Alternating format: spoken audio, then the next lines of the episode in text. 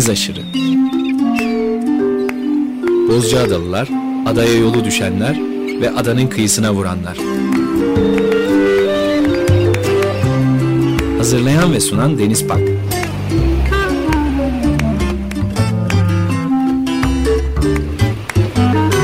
Türkiye için rüzgar enerjisi üreten Demirer Enerji'ye katkılarından dolayı teşekkür ederiz. 95.0 Açık Radyo'da yeni bir Deniz Aşırı programından herkese merhaba.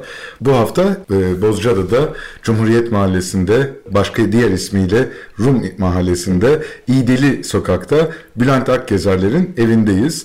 Bugünkü program konuğumuz Bülent Akgezer. E, havanın artık tamamen soğumaya başladığı, kışın kendisini hissettirdiği, salgının e, azdığı tuhaf günlerden e, birisinde bu yayını gerçekleştireceğiz.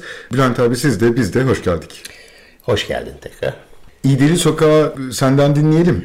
De işte biz aşağı yukarı 40 yıla yaklaşıyor. 35 yılı geçtik bu evde oturuyoruz.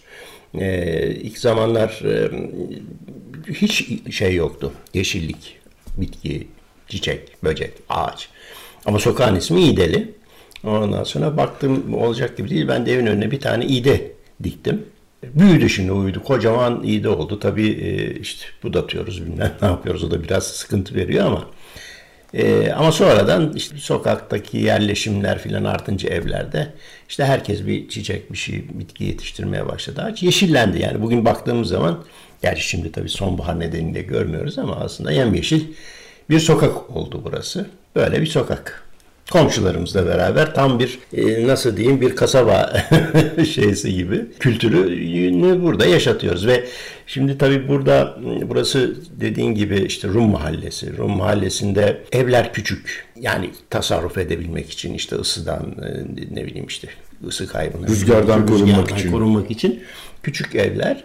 E, hayat dışarıda geçiyor, sokakta geçiyor. İdi. Yani benim hatırladığım, sen de bilirsin bunu. Yani bütün o kadınlar ne bileyim hazırlıklarını işte yemek hazırlığını dışarıda yapar. Fasulyeyi orada ayıklar filan bir şey pirincini ayıklar. E, aşağı yukarı biz de aşağı böyle bir hayat yaşıyoruz şimdi burada. Sokakta yazın ama. Kışın tabii olmuyor o iş. E, yemek dışarıda yeniyor. Dışarıdan kastettiğimiz İdeli sokak. sokak yani sokağın içinde tabii tabii. Evet. Tabii sokağın içinde işte birbirimizle konuşarak Allah'tan iyi komşularımız var. Öyle de iyi gidiyor yani burası. Evet adanın en şanslı olduğu e, yerlerden birisidir. Komşuluk ilişkileri evet, gayet iyidir. Evet, iyi, evet bir problemimiz yok. Evet. Kalabalıkla belki bir sınava ee, Kalabalıkla tabii yani o kalabalık e, ama Allah'tan o kalabalık bizi e, çok da fazla şey yapmıyor.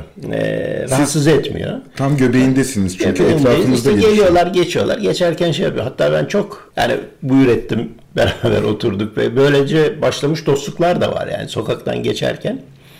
Hatta şöyle bir şey var ta senelerce önce. Ben yokum o zaman işte eşim burada Aydan Hanım e, evde. Sokaktan bir çift geçiyor. İşte bir şekilde çifti davet ediyor. İşte kahve içiyorlar, mavi içiyorlar. Sonra yapılan konuşmalar sonunda e, o çiftin bizim İstanbul'daki aynı komşu olduğumuz ortaya çıkıyor. Böyle bir tesadüfler de oluyor tabii. E, hayat. Evet, evet, evet neler getiriyor, neler götürüyor e, ya, göremiyoruz. Hiç, evet. Ben çocukluğumdan beri seni tanıyorum. Bir sürü bilgi alışverişinde bulunduk. Hep e, sizden çok beslendim. E, siz de bizden beslendiniz. Evet, evet. Karşılıklı oldu Tabii. bunlar. Panayot, Mehmet Talay, evet, bu evet. insanları Harun, bu insanları evet, anmamız evet. lazım burada. Evet, ve siz hep birlikte çok güzel, gerçekten harika günlerimiz geçti. Deniz ve balıkla, deniz canlılarıyla uğraştık. Evet, Yıllarca e, bu canlıları inceledik, araştırdık, e, avladık, denize girdik, yedik, çıktık. E, e, evet, sefasını da sürdük, sürdük bir yandan. Evet. Ve bunu sadece yaz mevsiminde değil yani yılın her mevsiminde yaptık. Yani evet. e, aralığı da ocağı da Şubat'ı da dahildir buna. E, bulunduğumuz her anda burada her şeyinden istifade ettik gerçekten. Şimdi, ben bu özelliklerinizi bilmiyordum açıkçası. Sizinle burada yıllardır da yapmıyoruz program. E, geçmiş Hep zamanlarda yolda, evet. yaptığımızda ilk kitabınız yayınlanmıştı. Bu kitap üzerine e, biraz konuşmuştuk. E, şarap kitabı üzerine artık e, eskitilmiş üzüm suyu diye sunuluyor. Eskitilen üzüm, üzüm suları raflardan. Evet. bir inşallah, şişe içinde evet. rafta eskitilen. Bu terminolojinin eskidiği günleri görmeyi umut inşallah, ederek te başladık. Yani bu tabii aslında bir kültür. Yani ne yaparsak yapalım bu bir kültür. Sadece e, alkolle ilgili bir e, nesne değil. İşte onun yanında yemek yemek yerken e, bu konu üzerinde sohbet etmek ve bu sohbetin genişlemesi e, bir yaşam kültürü halinde aslında. Tabii bizim buradaki şansımız da bunun ham maddesi olan üzümün, asmanın, bağların e, içinde o yaşamamış yaşamış olmamız, yaşıyor olmamız her ne kadar biraz eksilse de. E, dolayısıyla mesela bağcılık da başlı başına bir yaşam kültürü. E, ve bu bağcılığın sonunda da işte böyle bir ürün çıkıyor. Ve bu da binlerce senedir insanları mutlu etmiş. Mutlu etmiş e, ve e, işte bunların vatanı da bizim şu anda yaşadığımız coğrafya, Anadolu coğrafyası, asmanın, üzümün ilk bulunduğu, kültüre alındığı yerler. İşte bunlar tabii araştırılıyor. Araştırmalar bunları kanıtlamış oluyorlar. Dolayısıyla yani bizim bundan bahsetmememiz, bunun eksik e, yaşamın bir bölümünü eksik bırakmamız demektir. Evet. Onun için bahsetmek zorundayız. Zorundayız. Mecburen evet. ne yapalım yani. E, burada işte günah olan, istenmeyen diğer medeniyetlerde bir ihtiyaç olabiliyor kutsal oluyor. Kutsal oluyor. Sadece Tabii. ihtiyacın Doğru. dışında kutsal. Çünkü e, doğduğu zaman şarapla yıkanıyor. Yani o bir inisiyasyon işte bir, bir belirli bir e, inanca dahil olduğunu kanıtlamak için yapılan törende şarapla yıkanıyor bebek vaftiz edilirken. Hatta ben burada e, rahmetli Kanavuç'u bilirsin. Çok iyi. Evet, evet Kanavuç'un e, rahmetli oldu. Cenaze törenine katıldık. İşte e, şeyden kiliseden kalktık. Gittik. İşte mezarlığa koydular adamcağızı. Ve bir şişe de şarap koydular yanına gömmeden önce. Yani bu demekti ki doğduktan sonra bütün yaşamı ve ölürken de şarapla beraber bu, bu bir kültür artık yani bunu başka türlü düşünmek e, yanlış olur. Evet anmışken söyleyelim önemli bir bağcıydı. Ee, çok çok. Anesti değil Anesti, mi? Anesti Kanamış. Anesti evet. Kanamış evet. Şunun için anlattım bunu. O zaman e, ilk şarap kitabı vardı. Şimdi önümde üç tane, dört tane kitap var. Her biri oldukça zor konular. Yani korkutur insanı. Ee, birisi Dionysos. Bunlar e, bu arada dinleyicilerimiz radyo olduğu için göremiyorlar. Onlara söylemek istedim. Yitik Ülke yayınlarından çıkmış. E, Bülent Akgezer e, kitaplarına ulaşabilirsiniz. İlki Şaraptır. İkincisi Tenedos, Bo, Tenedos Bozca. rüzgarda e, söylencelerin, rüzgarlı söylencelerin rüzgarlı adası. söylencelerin evet. adası Bozcaada evet. ve Dionysos. Evet, o da özgürlüğün şarkısı. Şarkısı evet, evet. özgürlük. Ee, şimdi bu üç kitap benim için bir üçleme yani birbirini takip eden e, şeyler, konular. Bir kere Tenedos e, işte yaşadığımız, üzerinde yaşadığımız Bozcaada. Tenedos işte antik ismi olan yer. Bunun ben daha çok işte bu tarihteki yerini tarihte yani geçmişte daha doğrusu tarih demeyeyim geçmişteki en canlı neler oldu neler bitti onları anlatmaya çalıştım.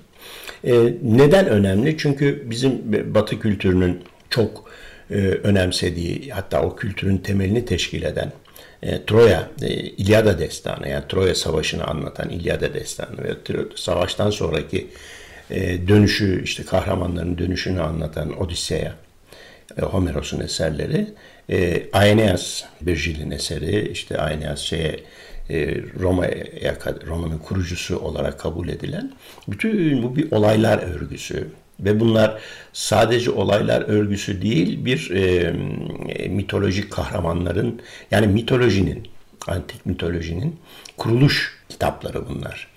E, kurulmuş bu, bu, bütün o olaylar örgüsünü anlatmışlar. Tabii bunları masal olarak anlatmamışlar. Bunları o zaman o insanlar gerçek kabul ediyorlarmış inanç sahasında inan, inanıyorlar bunların gerçek olduğuna. E, dolayısıyla bu e, bu kültürün temelinde bu olaylar var. Mesela şeyle İsa'nın kişiliğiyle Dionysos'u e, karşılaştırdığınız zaman aralarında bayağı da benzerlik e, de bulunabiliyor. İşte e, annelerin babasız doğmuş olmaları, erkeksiz doğmuş olmaları. Dionysos da erkeksiz doğuyor. Gerçi babası Zeus ama annesi bir ölümlü ve e, annesini annesinin hamile olduğu ortaya çıkınca ablaları dedikodu yapıyorlar yani o kim bilir nereden peydahladı bu çocuğu falan gibi. E, bunun da bedelini ağır ödüyorlar çünkü Dionysos şey yaptığı zaman doğduğu zaman e, onlara intikam alıyor ciddi intikamlar alıyor. İşte o kitapta onları e, yer alıyor. E, şimdi Dionysos iki kere doğuyor. İki, diyor e, iki kere doğumun şeysi ifadesi. Önce şimdi hikaye şöyle. Diyor ki annesi sevgilisi Zeus işte gece geliyor karanlıkta filan falan beraber oluyorlar. Gidiyor. Bazıları diyor ki ya sen, birisi geliyor senin bir sevgilin var ama hiç kendini göstermiyor. Böyle şey olur mu ya? Kadıncağız da işte bunların işte şeylerine e, kapılıyor ve diyor ki ısrar ediyor. İşte göreyim dediğim tabii koskoca tanrı Zeus yani baş tanrı olmaz öyle şey yani beni göremezsin falan. Neyse ısrar sonucu dayanamıyor. Kendini bir gösteriyor tabii. Müthiş bir şey. Bir insanın, bir ölümlünün e, yanaşamayacağı bir e, şey. Birdenbire bir alevler çıkıyor işte yangın. Kadıncağız orada yok oluyor. Yok olurken yanıyor yani. Yanarken de Zeus annesinin karnından şeyi alıyor. Daha cenin halindeki Dionysos'u baldırına saklıyor. Baldırında doğum zamanı geldiği zaman baldırından tekrar doğuyor. Dolayısıyla iki kere doğmuş oluyor. Hı hı. İki Dionysos şeyi böyle. Şimdi hmm, yani bu bir, böyle bir kültür şeysi, akımı, şu andaki e, Batı kültürünün temelini teşkil eden olaylar bunlar. Herkes yani ilkokul çocukları bile neredeyse e, İlyada'yı, Odise'yi bilerek bir şekilde bir yerlerinden duyarak bilerek e, büyüyorlar. E, bu, buraları yani bizim yaşadığımız yerler yani Tenedos adası e, İlyada da var, Odisea'da da var, Tenedos'un işte oradaki bir takım olaylar yani başında ve sonunda var şeyin başında, e, harbin başında gemilerle geliyor akalar. İlk önce Tenedos'u işgal ediyorlar ve burayı yağmalıyorlar. İşte bütün kadınları esir ediyorlar. Buranın kralı olan Tenes'i öldürüyorlar. Tenes'in kız kardeşini işte saldırıya uğruyor filan. Ondan sonra buradan karşıdan şeye gidiyorlar. Troya'ya geçiyorlar. Troya'da olaylar bittikten sonra meşhur işte tahta at hilesiyle Troya'yı zapt ederken tahta adı bırakıp Troya'nın önünde Bozcaada'nın arkasına saklanıyor. Yani bizim bugün Habbeli. Ayazma, Habbeli filan dediğimiz yerler tam onların o gemilerin saklandıkları yerler. Demek ki oraya saklandılar. Ee, hep düşünmüşümdür. Yani acaba bir Tunç Çağ gemisinin replikasını yapıp e, o ne bileyim Habbeli sah şeysine sahiline veya da ne bileyim Ayana sahiline böyle çeksek işte ismini de işte koysak e, Odysseus gibi filan gibi. Hoş olmaz mı? Müthiş. Yani ve bu e, herkesin de ilgisini çeker yani. Buraya da ufak bu olayları anlatan ufak bir plaketle. Neyse. E, dolayısıyla yani bu e, kültürün içinde biz biz böyle bir yerdeyiz. Yaşadığımız yerin de biraz az farkındayız gibi sanki ve bunu hiç kullanamıyoruz. Troya'ya tabii Troya çok güzel. Hele şimdi son e, müthiş müzenin sonra. yapılmasından sonra gelenler, gidenler, bunu şey yapanlar e, oraya gelenlerin yani 100 kişiden bir kişi de bir e, Denedos'a gelse çok çok değişik olur. O yüzden yani bu yaşadığımız toprakların önemi, adanın önemi, adanın işte kültürü, yaşam kültürünü e, anlatabilmek için ilk önce işte bu Tenedos Bozcaada e, kitabını yazdım. Bu tabii çok eskiden beri planladığım bir şeydi. Çalışmıştım. E işte böyle. Tabii çok eksikleri var. Çok eksikleri var. Ee, inşallah e, başkaları da bu eksikleri tamamlar. Giderirler. Evet. Tabii. Ee, sonra e, şimdi bu adanın kültürü yani bu adada yaşamaktan ben çok memnunum. Çok sevdiğim bir yer. Ee, dolayısıyla buranın bağcılık, üzümcülük, şarapçılık kültürü var. Onun için e, o şarap kitabını yazdım. Eskitilmiş üzüm suyu kitabı. Evet. Ondan sonra fakat bu e, bu aslında yani şarabın yani şarap nedir, nasıl yapılır, nasıl içilir filan hangi şaraplar onu anlatmaktan ziyade bir şarap kültürünü e, insanların, toplumların şarapla nasıl iç içe olmuş e, olduklarını ve bunların neden böyle bir yaşam biçimi haline geldiğini anlatmaya çalıştım. Yani şarap kültürü kitabı diye ben onu de değerlendiriyorum. En sonuncusu Dionysos kitabımda bütün bu e, anlatıların sonunda şimdi İlyada'da bir geçen dizelerde Tenedos'un kralı olarak Apollon, Siminteos Apollon işte biliyorsun şu farelerin tanrısı. Fare, fa, evet farelerin tanrısı Siminteos. Ee, şeyde aynı zamanda bak çok enteresan Apollon'un bir başka şeyi daha var. Lakabı daha var. Ips diye Ips. Pek duyulmuş değil. Ee, sebebi de şu asmalara da dadanan Ips diye bir e, böcek veya işte bir zararlı var. E, muhtemelen e, şey gibidir bunlar yani günümüzün flokserası falan gibi bir hastalık. Onu önlediğine inanılır şeyin e, Apollon'un. Dolayısıyla bizim Bozcaada'nın tanrısı olduğunu yazan dizeler de var. Hatta işte bazı e, kaynaklarda, e, antik kaynaklarda Bozcaada'da bir e, Apollon tapınağının olduğundan bile söz ediliyor. Fakat bilmiyoruz bugünlerde. Ama aslında e, bu adanın tanrısının Apollon'dan ziyade Dionysos'un olmuş olması daha akla yakın. Çünkü e, işte İsa'dan önce 600 yıllarda yıllarında e, basılan Tenedos parasını görüyoruz. Para, bu paralar basıldı. O zamanlar o paraları özel kişiler de basabiliyor. Kentler basabiliyor. Tabii kıymetli madenlerden basılıyor bunlar.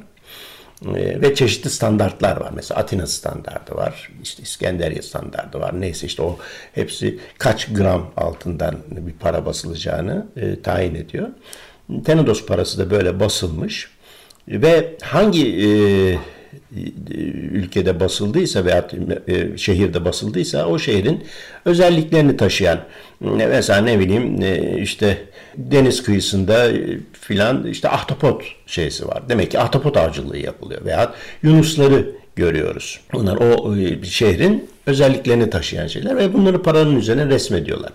Tenedos'un parasına baktığımız zaman şunları görüyoruz. Bir üzüm salkımı, kantaros dediğimiz bir nevi e, üzüm şey şarap kabı Testi gibi. Testi testi biraz daha genişçe e, şey. Yani şarapçılıkla üzümle ilgili. Balık da görüyoruz sanki. Balık var mıydı? Balık ben yok. Balık yok hayır. Şey var işte hep böyle şey, bu kantaros aslında tanrıları tanımamız için böyle ufak tefek şekiller yapılıyor işte antik çağda. O şekli gördüğünüz zaman hangi tanrıya ait olduğunu anlıyoruz o resmin veya işte o ifadenin.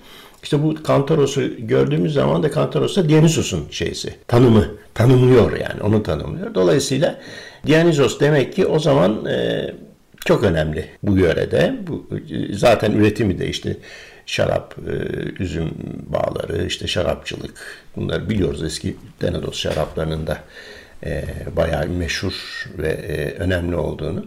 Fakat şöyle e, 6. yüzyılda yaklaşık başlıyor diye duymuştum para, sizden. Pa, para, e, para basımı o zaman başlıyor. Şarapçılık da galiba o yıllarda. E, muhtemelen e, şimdi onu o soruna, şey, sonuca nasıl varıyoruz? Şöyle Homeros şairimiz, ustamız yazarken işte Troya'daki felaketi veya işte olayları oradaki savaşçılar bol bol şarap içiyorlar zaten.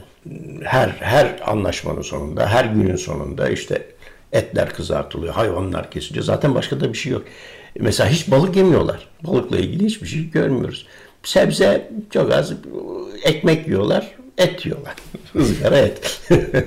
Ve şarap içiyorlar bol bol. Ve bu şarapların nereden geldiğini yazıyor. Bunlar Trakya'dan geliyor. İşte e, bizim e, şeyden Ege bölgesinden gelen şeyler var. Bir de Limna adasından, Lemnos'tan gelen e, şaraplardan söz ediyor. Hiç Teneros şarabından bahsetmiyor. Gökçeada da yok aralarında. Gökçeada da yok. Yok hayır. Yani onlar yok. İşte söyledim işte e, İsmaros şarabı, filan gibi yani onlar e, antik çağda çok iyi bilinen şarapçılık, limni şarabı filan onlar geliyor. Diğer zamanlarda konuştuğumuzda ben şey demiştim. Belki orduyu doyuracak kadar yoktur diye böyle bir ihtimal olabilir. Yani olabilir gayet tabii olabilir. Çünkü buranın doğası asma üzüm yetiştirmeye e, çok müsait. Ha şöyle de olabilir. Şimdi tabii akalar gelip burayı böyle yağmaladıkları zaman üzüm bağlarını da mahvetmiş olabilirler. Yani böyle şeyler de akla yakın.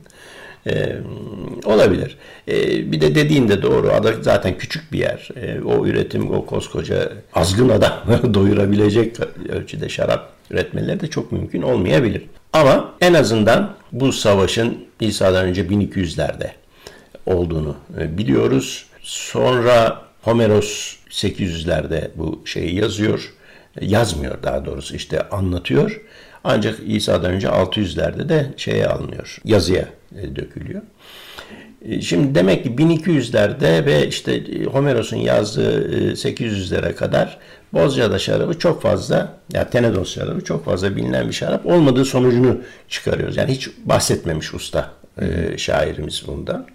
Dolayısıyla burada bu tarihlerden önce yani şarabı şeyin basıldığı 600'lerde, paranın basıldığı 600'lerde ama e, artık burada bağlar var, şarap var. Çünkü şarap kaplarını üzerine, e, paranın üzerine resmetmişler, üzüm bağlarını resmetmişler, baykuş resmetmişler filan. Yani demek ki 600 belki bir 50-60 sene önceden başlamıştır üretim. E, o zamandan beri e, bu topraklarda üzüm yetiştiriliyor, şarap yapılıyor. Evet. Şey bu. Apollon Simiteos farelerin tanrısı Apollon. Hı hı. Paralarında fare mi var onun?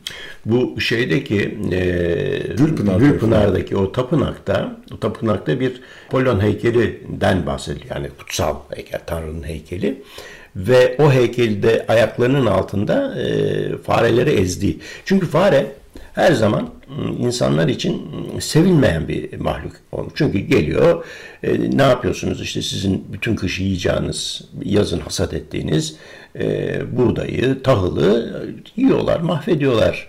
E, kullanılamaz hale getiriyorlar. Kullanılmaz hale getiriyorlar. Tabii çok sonraları salgınlar malgınların da o müsebbibi olduğu ortaya çıkıyor.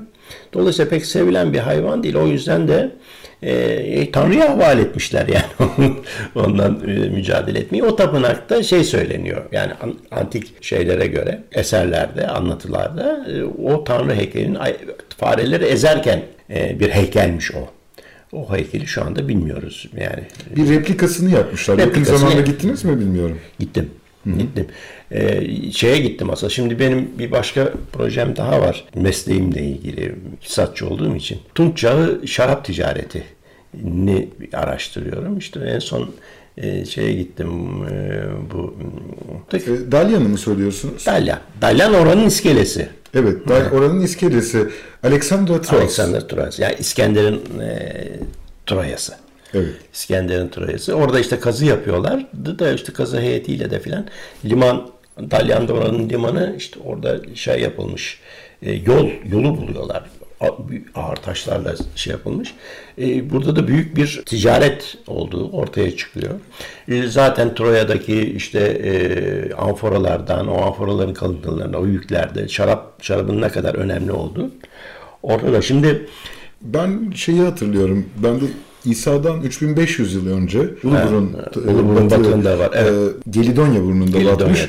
E, Uluburun batığı diye. Uluburun e, batığına dalmıştım. Onu deniz altında gören sayılı insanlardan birisiyim. Sonra evet. çıkartıldı o biliyorsunuz. Biliyorum. Ve o replikası da yapıldı. Replikası da yapıldı. E, çıkartılan e, parçalarda Bodrum Müzesi'nde Müzesi sergileniyor. Evet. Arkeolog George Bass yönetmişti bu evet.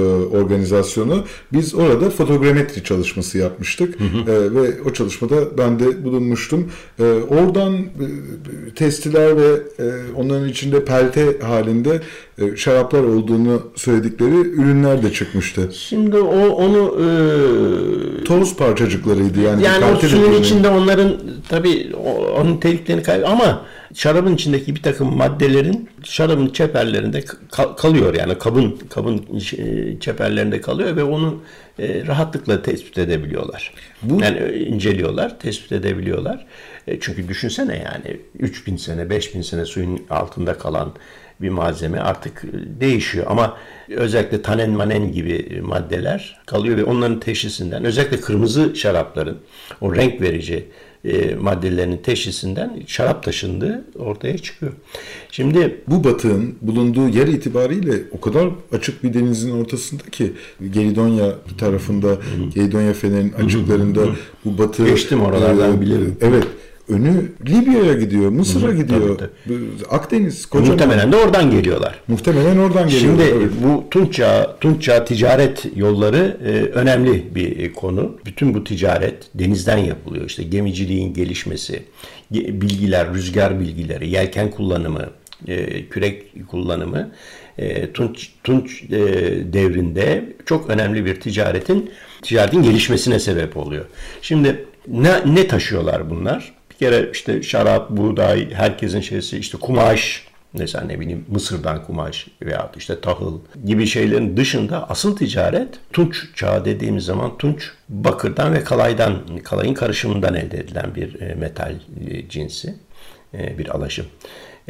Bakır her yerde var ve ilk sert maden işte silah yapıyor yapıyorlar işte ilk savaşlar tunç malzemelerle baltalar, kılıçlar hep gene Homeros Usta'ya dönmek lazım. Hep tunç e, silahlardan söz ediyor. Mesela demir o kadar fazla yok. Demir işlemesi zor. E, işte o onu eritecek, e, cevheri eritecek, sıcaklığa erişecek fırın teknolojisini henüz bilmiyor tunç çağı insanları. Tunç yapıyorlar. Tunç, tunç büyük bir zenginlik. Yani bir tunç bıçağa sahip olmak e, ciddi bir e, zenginlik e, alameti. Tunç yapmak için de bakır lazım. Bakır her yerde var. Türkiye'de var. Kıbrıs adası tamamen bakır zaten. Ama kalay yok. Kalay nerede var? Kalay ta bugünkü Afganistan, Tacikistan falan o yörede var. O yörelerden kalay getiriyorlar. Dolayısıyla e, bütün Avrupa'dan işte bu e, Avrupa'dan veya işte Kuzey Afrika'dan gelen gemiler Çanakkale Boğazı'nı geçiyorlar. İstanbul Boğazı'nı geçiyorlar. işte Karadeniz'i geçiyorlar. işte Azak'tan oradan şey Afganistan'dan karayoluyla gelen e, kalayı alıyorlar ve tekrar bütün dünyaya satmak üzere geri dönüyorlar. Böyle bir yol var. Bu yolun üzerinde olan şey kent Troya. Troya neden zengin zengin bir kent oluyor? Troya aslında bir ıı, Hit biliyorsa Hit kenti yani o şey yapıldığı gibi Yunan kenti değil. Luvice konuşulan bir Luvi kenti aslında. Ama çok zengin oluyor. Neden? Çünkü bu gemiler, bu ticaret gemileri e, kuzeye git, gitmek için Karadeniz Boğazı'ndan geçerken kolay değil. Bugün bile kolay değil. Yani hele yelkenle geçmek. E, bugün tabii çünkü buranın hakim rüzgarı kuzey rüzgarları. Devamlı esiyor bu kuzey rüzgarları. E, gemiler e, bir yerlerde beklemeleri lazım. Korunaklı bir yerlerde beklemeleri lazım ki bu kuzey rüzgarı izin versin ve yukarı doğru çıkabilsinler. İşte o bakımdan uzunca bir süre şeyde bekleyince Troya limanlarında Troya'nın yani eski topografyası şimdi doldurun Menderes tarafından doldurulan arazi aslında bir, geniş bir şey var orada. E, körfez var. E, o körfez e, dibinde de hemen Troya kenti yükseliyor. E, dolayısıyla o körfez o gemilerin e, kuzey rüzgarlarından korunup yukarı çıkabilmek için uygun zamanı bekledikleri önemli bir yer. E tabi orada bir sürü de ticaret dönüyor. Getirdikleri malzemeleri yok kumaş, yok şarap, yok e, işte tahıl neyse. Yani strateji evet. biraz orada beklemeye bekleme, de dayanıyor. Beklemeye dayanıyor ve o Tabii. beklemese bütün Anadolu'yla ilgili ticaret dönüyor orada. Yani Anadolu'nun bütün ihtiyacını da oradan şey yapıyorlar. E, karşılıyorlar. Belki işte kim bilir e, muhtemelen e, şeyler yapılmıştır. İşte teknelerin bakımı için e, tersaneler filan falan yeni te, eksik olan malzemelerin ne bileyim kürek kırılan küreği yapacak yerler var. İşte o kürekler için e, gerekli Kaz Dağları'nda ağaçlar da var. Tabii. Gemi yapmak için gerekli ağaçlar da var. E, işte oradan da o malzeme. Yani bu büyük bir zenginlik doğuruyor Troya'nın. E işte bu zenginlik de işte bir e, yağmayla, bir yıkımla sona eriyor. Homeros'un bize anlattığı öyle ama e, gerçek belki başka türlü olabilir. Yani çünkü depremle yıkıldığına dair de kanıtlar var. Hmm, şey, de, evet, öyle yani, var. ama savaşta olmuş ola, olabilir. Yani iyi ki böyle bir e, şey de yapmışlar. Bize de konuşacak çok malzeme çıkıyor. Evet, böyle bir hikayemiz var. iyi ki. iyi ki böyle bir hikayemiz var. Ve çok önemli bir hikaye. Çünkü işte başında söyledim ya o bütün e, Batı medeniyetin, Batı uygarlığının e, temeli bu. Evet. Temeli bu. E, Dionysos e, işte bu bunun içinde, şarap bunun içinde, asma bunun içinde, üzüm bunun içinde, akalar bunun içinde, Yunan tanrılar bunun içinde. Athena bunun içinde, Zeus bunun içinde. Evet. Çok önemli. E, Manfred Osman Korfman e, Troya'ya zenginliği rüzgar getirdi e, derdi. E işte yani. Sizin söylediklerinizde bunu evet. altını dolduruyor gerçekten. Evet. Bu arada bir şey daha çok uzun zamandır konuştuğumuzu görüyorum. Bir müzik arası vereceğiz. İsterseniz müzik arasından sonra sorumu sorayım. Çok da güzel müzikler seçtik bugün siz sevgili dinleyicilerimiz için. İlk ne dinleyeceğiz? E, L'Arpeggiata diye bir toplulukun müziklerini seçtim. Bunlar erken Avrupa müziği yapan 17. yüzyıl Avrupa müziklerini e, ağırlıkla çalan ve e, o çağın aletleriyle, çalgı aletleriyle bu müziği yapan bir grup. Çok güzel. E, asıl önemlisi erkek solistleri işte kontrtenor denen yani kastrat, kastrat sesiyle şarkı söyleyen ve dünyada çok ender bunlar. Önemli şarkıcılar. Onlardan seçtik. Ee, biraz eski müzikler oldu. E, ve Akdeniz yöresinin müzikleri işte bizim oturduğumuz yer. Kuzey Akdeniz, işte ne bileyim ta Batı Akdeniz şeye kadar, Portekiz'e kadar böyle giden bir coğrafyanın müziklerini yapan bir grup bu. Evet, o günlerin enstrümanlarıyla bunları çalıyorlar. O günlerin, ve o günlerin sesiyle. Evet, dinliyoruz. 95.0 Açık Radyo'da Deniz Aşırı programına kaldığımız yerden devam ediyoruz. Program konuğumuz Bülent Akkezer'le sohbetimize de kaldığımız yerden devam ediyoruz. E, nefis bir müzik dinledik. Le Arpeggiata topluluğundan eski enstrümanlarla 16-17. yüzyıla ait evet, bir evet. E, müzik yapıyorlar. Bugün başka parçalarını sanıyorum çalamayacağız. Çünkü e, öyle bir vaktimiz kalmadı. Konuşulacak çok konu var. Önümüzde e, dört tane kitap var. Üçü direkt sizin yazdığınız, biri kolektif bir baskı. Evet. Parçayı çalmazdan önce size bir soru soracaktım. Hemen o soruyla başlayalım. Geçen gün buradan dostlarımızla birlikte Üvecik köyünde Cezayirli Hasan Paşa'nın av köşküne gittik. E, ziyaret etmek için gittik. Nasıl bir yermiş? Bulunduğumuz bölgede seyahat yasakları da olduğu için artık e, şehir içinde gezilebiliyor. Yani doğada da bulunmak istiyoruz. Bir kalabalık bir yere girmektense e, böyle öğren yerlerini gezmek çok hoşumuza gidiyor. Buraya gittik ve orada eskiden eski haritalarına baktık. Cezayirli Hasan Paşa hemen Bozcaada'nın karşısında Üvecik köyüne en fazla 3 kilometredir Troya'ya doğru evet. E, bir yer yapmış. Cezayirli Hasan Paşa burada Adalı'da birçok ailenin büyük dedelerindendir biliyorsunuz. Hani Koca Parakadir gibi, e, Dilek ablalar, Dilek Razlıklılar gibi, e, Hasan Gülerler gibi e, birçok Adalı ailenin de e, büyük dedelerinden. E, yani o sülaleden. O sülale, evet. işte bu yörede. E, Onun şurekasıdır yani e, buradaki bir bölüm e, Bozcaadalı damarı, eski Bozcaadalılar diyebiliriz. Bir 300-400 yıllık bir hikaye bu en azından. Çok etkileyiciydi yapı. Benim esas konum o değil. E, o bölgenin denizin kıyısında olduğunu öğrendik o haritalara baktığımız zaman. Evet. Neredeyse Pınarbaşı'nın bile deniz kıyısında evet, bir yer olduğunu evet, öğrendik. Büyük, derin yani, bir koy var orada. Evet. Yani harita çok değişik aslında. Troya haritası. Hı-hı. Benim size sorum e, oydu. Troya ile Üvecik arasında aslında çok e, uzak bir mesafe oluyor böylelikle. Bir körfezi dolaşması gerekiyor yani Üvecik'ten e, Troya'ya gitmek isteyenler. E, ciddi bir girinti var. O dönemde denizin çok daha geniş bir alana yayıldığını görüyoruz. Sular mı çekilmiş acaba yoksa Yok, böyle nehir bir... dolduruyor. Ee, işte me, bizim meşhur Skavandros e, gibi o nehirle getirdiği alüvyonlarla o körfez işte yüzyıllar boyunca dolmuş ve kara haline gelmiş. Aslında Troya bir e, kıyı kenti. Evet. Liman kenti, kıyı kenti. Ve şu anda öyle değil ama e, o zamanlar öyleymiş. O gördüğünüz harita tabii önemli. Ve o koy aslında öyle e, çok boş bir koy değil. Yani bütün biraz önce söylediğimiz gibi gemiler, e, oraya giden gemiler, gemiciler, e, işte onların taşıdıkları eşyalar, oradaki ticaret, o şey e, yani benim gözümün önünde ve cıvıl cıvıl bir deniz e, liman kenti gibi gözüküyor. Dolayısıyla Üvecik belki e, Troya'nın karşı tarafında ama orası da bu e, hareketten nasibini muhakkak ki alıyor. Gayet tabii. Almıştır zamanında herhalde. Tabii e, bu bunların arkeolojik e, kanıtlarını, tanımlarını yapmak lazım ama e, bu, bu da yapılıyor zaten ve oralara da sıra gelecektir muhtemelen. O şeyin limanın e, kalıntıları, limanla ilgili şeyler. Ben geçen sene e, Rüstem Aslan'la işte gezdik Troya'yı sağ olsun bana da epey şey yaptı ve o limanla ilgili epeyce de bilgi verdi. Biraz evvel dedim ya işte bu Tunç Çağı e, şarap ticareti üzerinde çalışırken epey bana e, orada bilgiler verdi. Önemli bunlar. Ama ne yazık ki artık burası böyle doğanın örtüsü altında kalmış. Belki de iyi ki de kaldı. Biz onları belki çıkart çıkarıp e, gözleyebilir, gözlemleyebiliriz. Evet.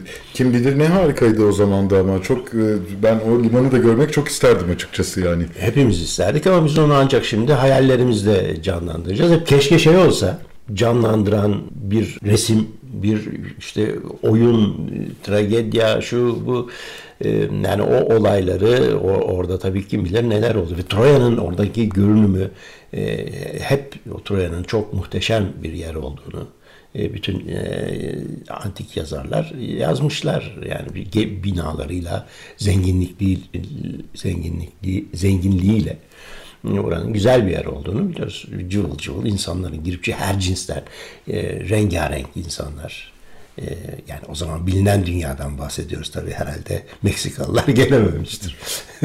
Meksika'da pek adam da yoktur. o zamanlar bilemiyoruz. Evet. Başka zamanlar yani çok öncesinden bahsediyoruz. Bu arada sizin bir projeniz daha var. E, keşke bunun bir tragedyası yazılsa cümlesinden buraya da değinebileceğimizi düşünüyorum. E, siz yeni yapmayı düşündüğünüz e, şeyler nelerdir diye sorayım. Birkaç tane projeniz var. E, bunları duymak isteriz açıkçası. E, şimdi bir tane e, biliyorsun e, bizim bir taş ocağımız var. Eskiden orası dağdı.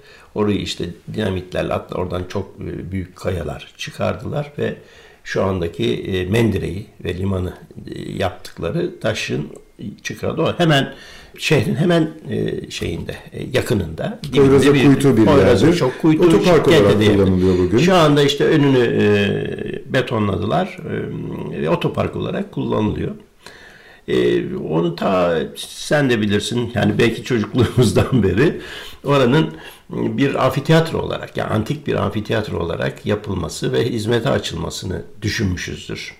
Bu çok konuşuldu da yani konuşuldu da işte bir türlü e, şey e, gerçekleşemedi. İnşallah bundan sonra geldi. Çünkü e, böyle bir şeye ihtiyaç var. Yani biz burada işte festivaller yapılıyor, gelenler oluyor, gidenler oluyor, konserler veriliyor. Ama bizim bir konser yerimiz yok.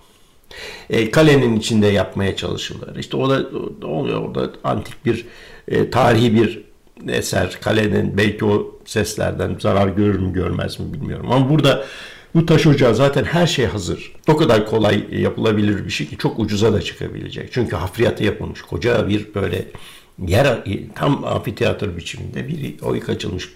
Orada taşlar da duruyor. O taşları şekillendir şekillendir. Koymak lazım yerine ve çok kolaylıkla olabileceğini düşünüyoruz. Ve e, bunun da işte Poyraz'a kapalı olması, şehre çok yakın olması hmm, filan gibi çok büyük de avantajları var öyle bir ye, e, mekan hazırlanmasında. Benim de şöyle bir e, işte hayalim tabii bunun e, hepimizin olduğu gibi böyle bir yer yapılması ve burada premier şeysi olarak, eseri olarak da bir e, tragedya yazmayı düşünüyorum. İşte bu e, Troya savaşlarının başlangıcında akaların e, saldırgan akaların gelip işte Troya'yı e, ya gelmeden önce Tenedos'u zapt etmeleri, burayı yağmalamaları, insanları alıp e, bunlara cariye, kadınları cariye olarak kullanmaları, işte bunların hepsi var aslında kitapta. Bu bir şey e, çok trajik bir olay aslında ve bir tragedya için de çok uygun bir konu. O öyle bir tragedi yazmayı düşünüyorum ve inşallah bu ben yazana kadar da e, bu tiyatro projesi de tamamlanır. E, ve e, orada bu benim oyunum oynanır diye düşünüyorum. İnşallah şey heyecanla bekliyoruz. Bu arada şey. ben çocukluğumdan beri konuşuluyor bu konu. 50'ye doğru gidiyorum neredeyse. Hala konuşuluyor. Vaktimiz var galiba Ama biraz Türkiye'de hiçbir şey kolay olmuyor. Doğru. Yani e, Türkiye'de hiçbir şey kolay olmuyor. Ama biz hala umudumuz olmalı. Yani olmalı. Yoksa e, olmaz. Başka türlü olmaz. İnşallah olur. E, sesimiz duyulur. E, güzel bir şeydir bu. E, ve işte dediğim gibi bütün Batı uygarlığının temeli olan herkesin, bütün çocukların okullarda öğrendiği bir olayın birebir geçtiği yerlerde böyle bir mekanların hazırlanması, insanların gelip buraya bunları duymaları, işitmeleri, müziklerini dinlemeleri, oradaki oyunları görmeleri e, bence çok müthiş bir şeydir. Çok yani. da önemli evet. evet. Çok çok çok önemli.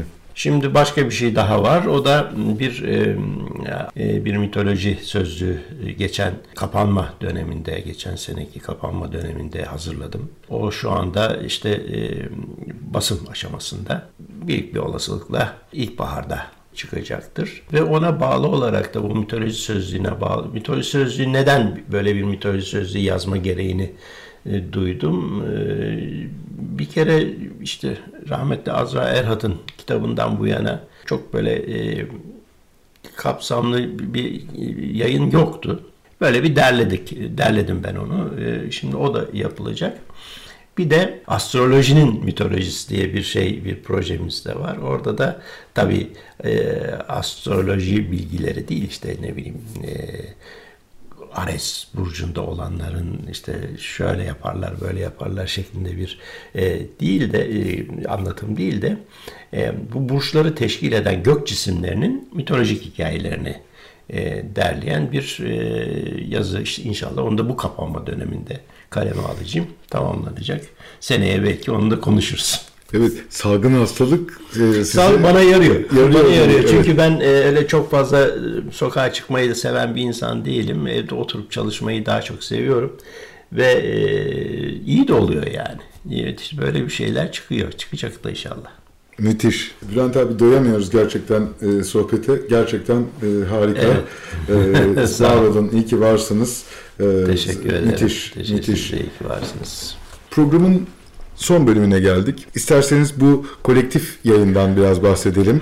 E, son 2-3 dakikalık bölümde de e, içinde bulunmuş olduğunuz iletişim yayınlarından çıkan Suyun ve Rüzgarın Şehri Çanakkale İbrahim Dizman'ın derlediği bir yayın. Evet. E, bu yayında nelerden bahsediyorsunuz? Şimdi bu iletişim konuda? yayınları e, Memleket Kitapları adı altında bir dizi kitap hazırlıyordu. İşte İbrahim Dizman da Çanakkale ile ilgili bir kitabın derlemesini yaparken benle temas etti. Bo Bozca'da yani Çanakkale'nin muhtelif e, ilçeleriyle ilgili yazılar veya değerleriyle ilgili yazılar şey yaparken Benden de Bozcaada'nın Bozcaada ile ilgili bir yazmamı istedi. Tabii Bozcaada dediğimiz zaman şarap ve bağcılıktır bu adanın en zenginliği. Ben de e, e, bir Kuzey Ege adasının şarap ve bağcılık serüveni diye nasıl başlamış, nasıl değerlendirilmiş onu, o bölümü yazdım. Yani o kitabın içinde benim yazdığım bir bölüm o var. Tabii e, önemli şeyler bunlar. Ben önemsiyorum. Ee, inşallah bu da izleyenler tarafından beğenilir, ilgi görür. Evet. E, isterseniz yazdıklarınızın biraz içeriklerine de bakalım. Bakalım. Şimdi e, tabii burada bir soru var. Acaba bu Bozcaada'da, Tenedos'ta şarap ne zaman yapılmaya başlamış? Ne zaman üzüm yetiştirmiş? Biliyoruz ki Anadolu ve bu Ege adaları e, üzüm yetiştirme konusunda çok önemli. Hatta ilk üzümün asmanın kültüre alınması işte bizim coğrafyamızda olduğunu da biliyoruz. Ama bizim şimdi elimizde e, belge olarak ne var? En eski belgemiz Homeros Usta gene onu referans alıyoruz. Homeros Usta da hikayesini anlatırken akaların gelip e, Troya kentini kuşatması ve 10 yıl süren kuşatma sırasında olan olayları anlatırken bu savaş beyleri bol bol şarap içiyorlar. E, her yerde bu e, şarabı içiyorlar. Her fırsatta içiyorlar. Yani bir anlaşma yapıyorlar. Bu anlaşmayı e, kutsamak için şarap içiyorlar. E, işte bir e, konuşma yapıyorlar. Bu konuşmanın sonunda şarap içiyorlar ve hiçbir sebep olmasa yemek yerken içiyorlar. Yedikleri yemek de tabii e, bol bol et yiyorlar e, şeyle. Akşam oldu diye. Akşam oldu diye. Sabah evet, oldu diye. Sabah oldu diye. Evet, anlaşma yaptık filan. Evet. E, şimdi peki bu şaraplar, bu e, ordunun içtiği şaraplar nereden geliyordu? E, bir kısmı e, Trakya'dan Pramnos şarabı bu antik çağda çok bilinen bir şarap cinsidir. İonya bölgesinde yani Gedis Hermos Nehri ile Büyük Menderes, Mayandros nehirleri arasında kalan bir bölgede yer alan bir antik kent burası. Burası antik şeyde, şaraplarıyla çok beğenilen, çok tercih edilen şarapmış. Bir kere Pramnos şarabı geliyor. Bu Pramnos şarabından söz ediliyor. Ya bu Pramnos şarabının e, afrodizyak etkisi olduğundan da söz ediliyor. Onun için de çok tercih edilen, çok içilen bir şarapmış. E, Lemnos adasından geliyormuş. E, yani Limni adasından. Bir de Trakya'dan gelen İsmaros şarabı var. Bu İsmaros şarabı Odysseus'un geri dönüş macerasında işte meşhur Tepegöz bunları yamyam Tepegöz yani adamları yiyor böyle. Üç tane adamı kahvaltıda yiyor. Üç tane öğlenliğin yiyor. Üç tane de akşam yiyor. Öyle bir adam. Onun mağarasına giriyorlar bunlar Odysseus ve arkadaşları. Mağarada işte peynir meynir var, hayvanları var e, Tepegöz'ün. Orada o hayvan işte peynir meynir yerken birdenbire de ev sahibi geliyor. Bunları kapatıyor, şey yapıyor. Hmm, kurtulmak için Tepegöz'e bu İsmanos şarabından ikram ediyorlar. Adam hayatında ilk defa şarap içiyor. Veyahut da başka şaraplar içmiş ama hiç bu kadar güzelini içmemiş bayılıyor. Bütün e, fıçıyı veya işte herhalde tulumla o tulumun hepsini içiyor, bitiriyor, sarhoş oluyor. Ya Odysseus da böylelikle kurtarıyor. Bu şaraplardan söz ediyor, ediliyor. E, hem e, Odisse, Odisseya'da hem de e, İlyada'da. Yani Tenedos şarabından hiç e, bahsedilmiyor. Yani demek ki da bahsetmiştik. Evet. Peki bugün bu şarapların yapıldığı coğrafyalarda hala e, üretiliyor mu? Tabii tabii. Tabii, tabii. Limni Adası'nda var şaraplar. Limni'de var. Hı. Gediz Deltası'nda Büyük Menderes e, tarafında. E, orası var. zaten bağlık biliyorsunuz. E, Manisa, e, işte Salihli şey e, oraları e, bağ bölgeleri. Orada birçok üretici var biliyoruz var, ama var. üreticiler... Daha çok tabii şimdi e, sofralık şar, üzüm de üretiliyor ama e, şarapçılık orada eskiden beri yapılan şeyler. E, o üreticiler bugün bu hikayelerin geçtiği coğrafyada mı yapıyorlar? Bağcılıklarını, evet, evet, evet, evet, evet. Evet yani ben o, o yörede e, bayağı hatta bizim büyük şarapçılık firmalarımızın yani bin dönüm, 1200 dönüm e, bağları da var oralarda. Oralar çok uygun bu şeyi yapmak için. Şaraplık üzümü yetiştirebilmek için o faaliyetler devam ediyor. Ama şimdi tabii e, şeyin izini sürmek, ev şarapçılığının izini sürmek belki mümkün olabilir. Köylüler tabii kendi köy ihtiyaçları için yapıyorlar şaraplarını. Hatta yasal olarak da bu mümkün. Her bağcı kendi ihtiyacı için işte 300-350 litreye kadar şarap yapabilir e, diye izin de var. E, muhakkak vardır. Bunları takip etmek lazım. Yani böyle bir e, misyonumuz olsaydı onların peşinden koşardık. Evet yani bu şaraplar çok önemli. E, biz de işte ama Tenedos şarabından söz edilmediği için işte daha önce de bahsettiğimiz gibi bu ancak 6. Ee, yüzyıldan çünkü paraların üzerinde e, üzüm ve şarap kabının kantorosların bulunduğu paranın basımı olan 600 milattan önce 600'lerden biraz önce belki Bozcaada da e, bağcılık e, ve şarapçılık var. Muhakkak daha önce de başlamış olabilir ama senin de dediğin gibi koca bir orduya yetecek, yetecek kadar. Ancak kendilerine yetiyor da olabilir. olabilir. Tenedosluların saklanmış, zulalanmış olabilir bu yani. He, o meşhur filmde gördüm. Evet, evet. Böyle şeyler olabilir. Son olarak şunu sormak istiyorum. Bugün geldiği noktayla isterseniz bitirelim birkaç cümleyle. Adamızda hala şarap üretiliyor. Ee, önemli şarap fabrikalarımız, üreticilerimiz de var. Bunların e, bir kısmı daha eskilerden beri, bir kısmı da yeni 10-15 senedir bu şarap üreten. Ee, önemli, güzel de şaraplar üretiyorlar yapılıyor. E, ama tabii bu bir konjonktür meselesi, ekonomik konjonktür meselesi. Şu anda işte o taleplerin yeteri kadar e, oluşmaması, oluşamaması, efendim e, vergilerin ağır vergileri olması üzerinde pahalı olması. Reklam yapılamıyor. Reklam olması. yapılamıyor, tadım yapılamıyor, tadım yapılamıyor ki bu e, ürün e, tadılarak alınan tercih edilen bir şeydir. Yani bu çok önemlidir tadım.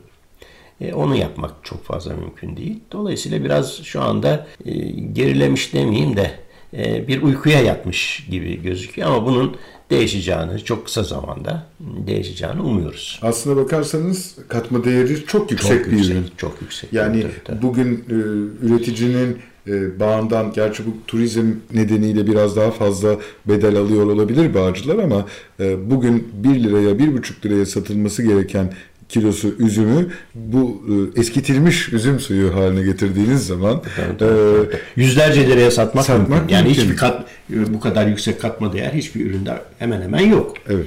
Ama e, bu güzel yani bu değeri alabilecek bir malı yapmak için de çok ciddi bir e, yatırım yapmak lazım. Bilgi, deneyim yatırım yapmak lazım. Asıl para oraya gidiyor. Sonunu şöyle söyleyelim bir Fransız atasözüyle bitirelim. Şarapçılık diyor çok kolay. İlk 200 yılda çok zor. Çok zor. Or- orada sıkıntı çekiliyor biraz. evet. Sorun orada. Evet. Ee, biz hep hiç o 200 yılı aşamıyoruz gibi e, hissediyorum. Yani. Olsun belki iki adım atsak bile o kârdır. İki Dünya... adım bizim, iki adım senin, üç adım bizden sonra gelenlerin e, bir yere varılacaktır tabii. Yani hiçbir şey kolay olmuyor işte. Evet. Böyle taş taş üstüne koyarak bir binayı taş taş taş koyarak yapıyorsun. Doğru. Adım adım. Göreceğiz.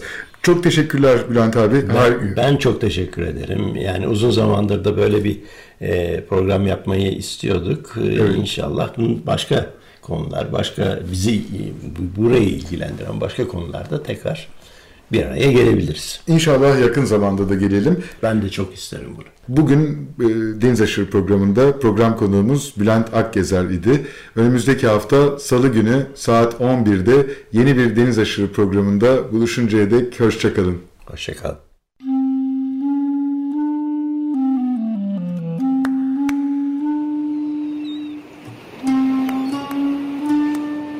Deniz Aşırı Bozcaadalılar, adaya yolu düşenler ve adanın kıyısına vuranlar. Hazırlayan ve sunan Deniz Pak.